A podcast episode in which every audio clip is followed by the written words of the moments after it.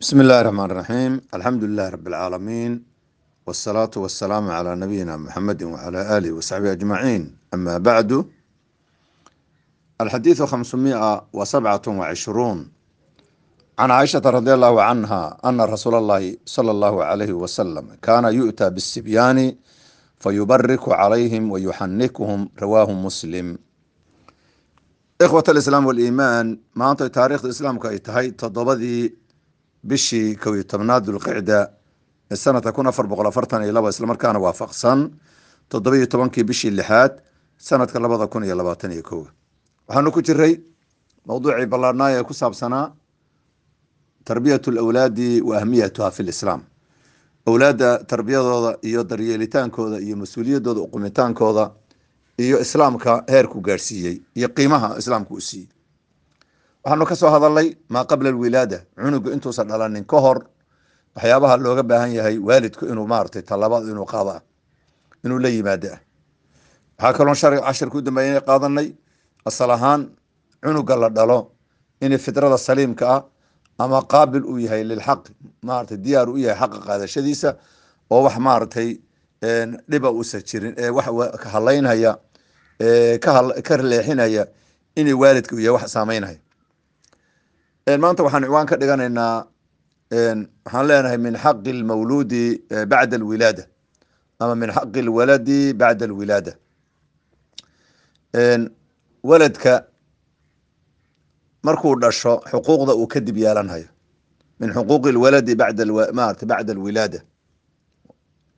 Min xuquuqi lwaladi bacda alwilaadati xuquuq fara badan buu leeyahay. Cunugu markuu dhasho kadib waxyaaba maaragtay dhowr tallaabo ayuu u baahan yahay iyo xuquuq buu yeelanhayaa marka ciwaan waxaanu ka dhigaynaa min xuquuqi lwaladi bacda alwilaadati waxaa ka mid a taxniikuhu waadducaau lahu bilbarakati inay maaragtay xuquuqdiisa waxaa ka mid markuu dhasho inay maaragtay shay macaan ama timir ama wax la mid a dhamxaraga loo mariyo loona duceeyo barako loogu duceeyo. Loona duceeyo. Min xaqi lwaladi bacda alwilaadati taxniikuhu wاdducaau lahum bilbarakati. Sida nabigeena aleyh salaatu wasalaam ka sugnaatayba intaa kadib ikhwati filah xadiidkan imaam muslim baa soo saaray kitaabkiisa saxiixa raqamka xadiidka laba kun hal boqol afartan iyo toddoba. Sidoo kale alimaam bukhaari asna mid la macno ku dhow buu asna soo saarhayaa oo lix kun saddex boqol iyo konton iyo shan. Idan marka labaduba min xadiid caaisha wey. Marka wax yar bay ku yar kala duwan yihiin intaa kadib xadiidka macnihiisu muxuu yahay caaisha radi allahu tacaala canha wa ardaha waxay leedahay rasuulku calayhi salaatu wasalaam kaana wuxuu ah yu'ta mid loo keeno loola yimaado bisibyaani ciyaalka ayaa loo keeni jiray markay dhashaan. Fa yubariku calayhim oo u baarikeyn jiray bimacnaa waa u ducayn jiray. Wa oo u dhamxarageyn jirayoo meeshaa dhamxaraga koru u marin jiray istimir iyo wax macaan. Xadiidkan ikhwati filaahi waa tarbiya oo cunugu markuu saa u dhashay xuquuqduu yeelanhaya dhaqanka saxaabatu rasuulilaahi ay lahaan jireen wuxuu ahaa markuu cunug u dhasho way soo qaadi jireen. Kaana yu'taa bisibyaan baa nabiga loo keeni jiray. Sibyaan. Wiilasha hadda lagu riya sibyaan wiilashay ku dhacaysaa gabdhahana la mid ma ahayn maaratay gabdhuhuna la mid ba ahayn wiil iyo gabadh wuxuu noqdoba dakar iyo untha dhadig wuxuu noqdoba nabigaa loo keeni jiray carruurta. Muxuu samayn jiray laba arrimood buu samayn jiray. Fa qodobka koowaad fa yubariku calayhim waa u baarikeyn jiray bimacnaa u baarakeyn jiray. Baaraka allahu calayka buu dhihi jiray. Ama baaraka allahu calayka buu dhihi jiray. Wa baaraka fiihi. Wa baaraka lahu. Sidaasoo kale in baaraka allahu calayka. Wa baaraka allahu fii maaratay wa baaraka fiihi. Wa baaraka lahu. Ducooda marka uu baarakeyn jiray bimacnaa yadcu lahu bilbarakati wey baraka ugu ducayn jiray.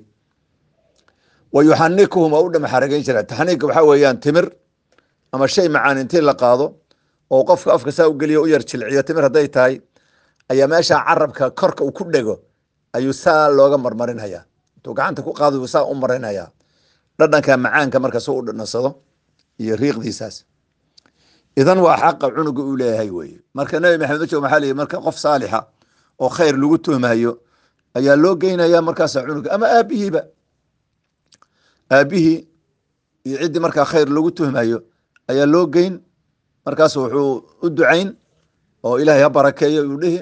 Sidoo kale timir ama malab ama wax baa la qaaday meesha dhamxaraga oo carabka korka uu ku dhegahayo ayaa saa loogu marinhayaa si u mudmuudsado fawaaid fara badan bayna leedahay bay culimmadu dheheenoo faa'iidooyin badan bay leedahay.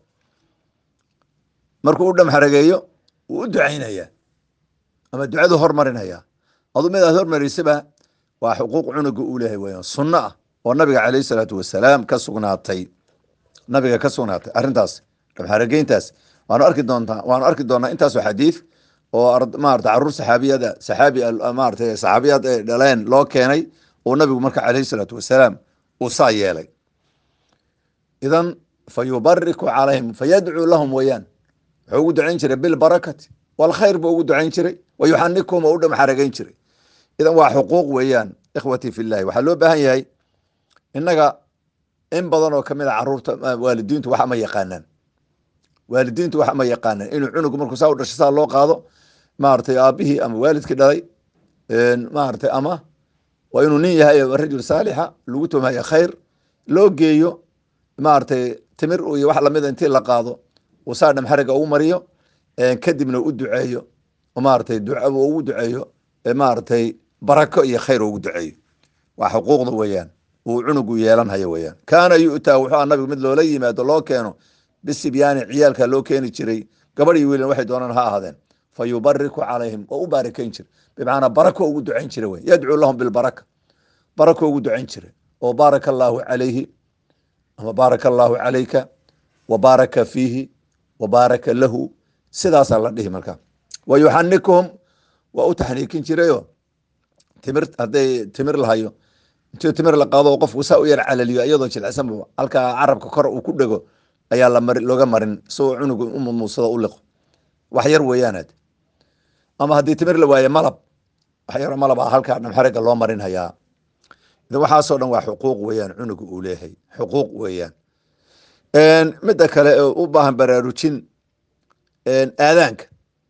Cunuga markuu dhasho in dhegta midigta lagaga aadaamo dhegta bidixdan laga aadaamo xadiidka daciif wey ma sugnaanin arrinkaas. In lagu aadaamo dhegta midigta laga aadaamo dhegta bidixdan laga aqimo aqim iyo aadaan toona ma sugnaanin. Waa daciif. Xadiidkaas xadiid sugan maaha saa darteed ma lama samaynayo midaas waa middan midda la samaynayo. In timirtaas carabka halkaas loo mariyo loona duceeyo. Nabigeena caleyh salaatu wasalaam sida ka sugnaatay isaga bukhaari lafdigiisa wuxuu ahaa oo caaisha leedahay kaana nabiyu sala allahu alayh wasalam yu'taa bisibyaani baa loo keeni jiray fayadcuu lahum waa u ducayn jiray wey fayadcuu lahum meesha fa yubariku calayhim maarata uu muslim leeyahay bukhaari wuxuu asaga ku sugan fayadcuu lahum waa u ducayn jiray khayr iyo barake iyo wanaag buu ugu ducayn jiray kadibna timirtaasu meesha u marin jiray idan ama shay macaan waa sida sunnada weeyaan idan waa xuquuqda marka cunuga uu leeyahay min xaqi اlwaladi bacda alwilaada taxniikuhu wاducaau lahum bilbarakati wey inay barake loogu duceeyo waa waxyaaba marka ugu muhiimsan weyaan ikhwati filah idan ilaahay subxaana wa tacaala xaqa hana waafajiyo hana maaratay raacitaankiisana hanagu irsaaqo. Waa tarbiyada carruurta bacda alwilaada. Waanu arki doonaa axkaamo fara badan. Idan inay loo loo duceeyo maaratay oo baaraka allahu la yihahdo baaraka allahu caleyka la yidhaahdo. Iyo in timirta loo mariyo. Waxay soo naqliyaan culimmadu in bishaaro naftirkeeda marka taaniyana laakiin xadiid asaxay in la isku taaniyeeyo xadiid asaxay ma jirto laakiin waa shay iska banaan xasanulbasri oo taabici bay ka wariyaan oy dhahaan waxaa in la dhaha fiican taaniyada burika fi lmawhubi wa shakarta alwaahiba wa balaga ashuddahu wa rusiqta birahu in saa la yidhaahdana maarata xasanulbasri baa laga soo naqliyaa iyo waxaa kaloo idna la soo naqli in yihahdo jacalahu allahu mubaarakan calayka wa calaa ummati muxamedin sala allahu alayh wasalam laakiin xasanulbasri waxaa la dhaha sanadkiisu ma sugnaanin sanadkiisa ma sugnaanin laakiin xadiid ahaan ma xadiid nabiga ka asaxay midna xasanbasri hata kama asixin laakiin ay lafdi kaste oo oo fiican ood ugu ducaysa markuu cunug maaratay ugu ducays ugu taaniyeysa cunug baa qofka hebel u dhashay markaa tira taaniya ugu samaysa lafdi kastoo samaysay marka dhib male wey hadaa tirahda burika fi lmawhubi wa shakarta alwaahiba wa balaga ashuddahu wa rusiqta birahu marka dhib male laakiin xadiid sugan ma aha taabicigaana kama sugnaanin. Ay lafdigaa doontaada ugu taaniyeyn kartaa. Wele saalixa allaha ka dhigo maaragtay iyo wixii lamidka haddaad tiraahdi allaha barakeeyo wax dhibaata ma leh oo saasoo kale laiskugu tahniyeeyo.